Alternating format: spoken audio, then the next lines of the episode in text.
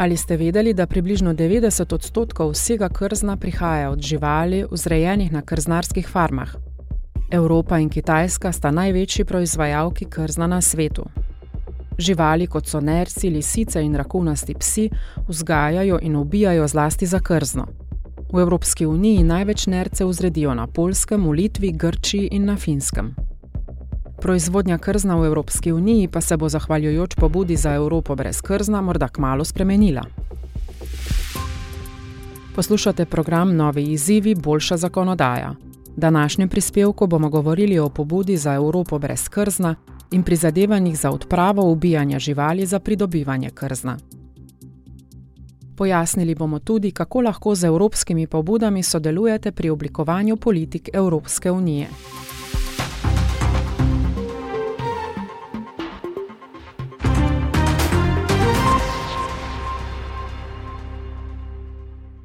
V zadnjih letih se je proizvodnja krzna precej zmanjšala. Razlogov za to je več. Eden glavnih je vse večja ozaveščenost o dobrobiti živali. Ljudje se vse bolj zavedajo, da živali v kletkah trpijo. Poleg etičnih pomislekov ima industrija krzna tudi negativne posledice za okolje, saj je reja živali za krzno škodljiva zaradi kemikalij in živalskih odpadkov. Negativno vpliva tudi na zdravje ljudi. Številni izbruhi koronavirusa na vzrejnih farmah nercev so pokazali, da proizvodnjo krzna spremlja veliko tveganj.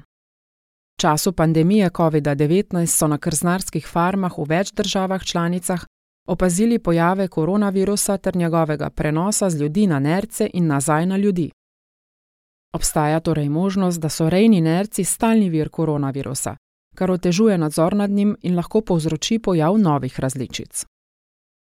Javno mnenje je zaradi ogrožanja javnega zdravja, etičnih pomislekov in škodljivih posledic za okolje krznarskim farmam nenaklonjeno. 14 držav članic je zato že sprejelo ukrepe za prepoved krznarskih farm oziroma uvedbo strožjih ukrepov. Zato si prizadeva tudi državljanska pobuda za Evropo brez krzna, ki želi doseči vse evropsko prepoved vzrejanja in ubijanja živali za proizvodnjo krzna. Organizatorji pozivajo tudi k prepovedi trženja in prodaje krznarejnih živali in krznenih izdelkov v Evropski uniji. Državljanska pobuda je zbrala več kot milijon in pol podpisov v vseh državah članicah, organizatorji pa so na to svoje zahteve predstavili na javni predstavitvi v Evropskem parlamentu. Preden podrobneje spregovorimo o tem, kako bi lahko dosegli Evropo brez krzna, prisluhnimo, kako poteka postopek Evropske državljanske pobude.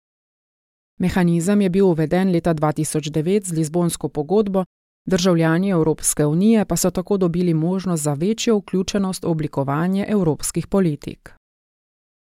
Sistem deluje tako.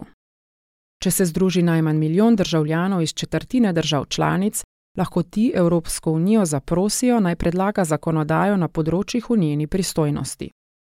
Najprej je treba ustanoviti odbor najmanj sedmih državljanov unije, ki prebivajo v najmanj sedmih različnih državah članicah.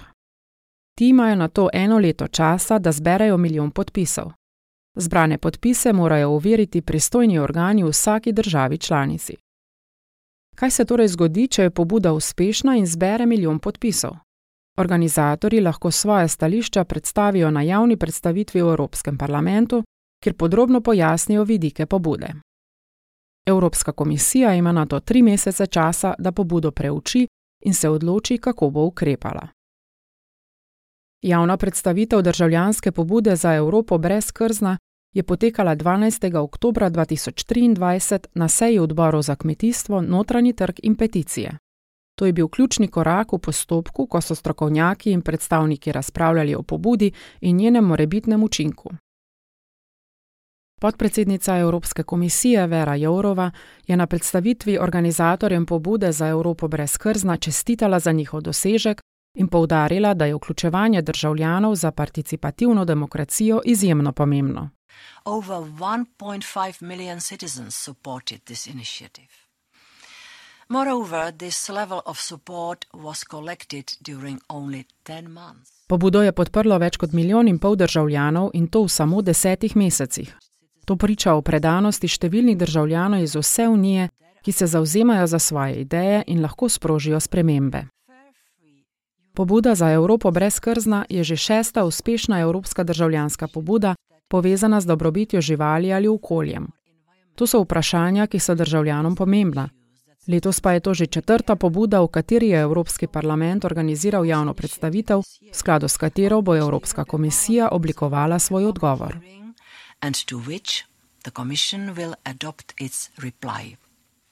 Parlament je po javni predstavitvi o pobudi razpravljal na plenarnem zasedanju oktobra 2023, Evropska komisija pa bo odločala o svojih nadaljnih ukrepih. Morda bo nastala nova zakonodaja Evropske unije, kar kaže, da imajo evropske državljanske pobude pomembno vlogo pri opolnomočenju državljanov za uvajanje sprememb.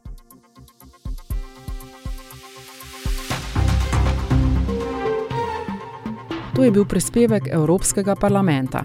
Več informacij je na voljo na spletnem mestu Think Tank.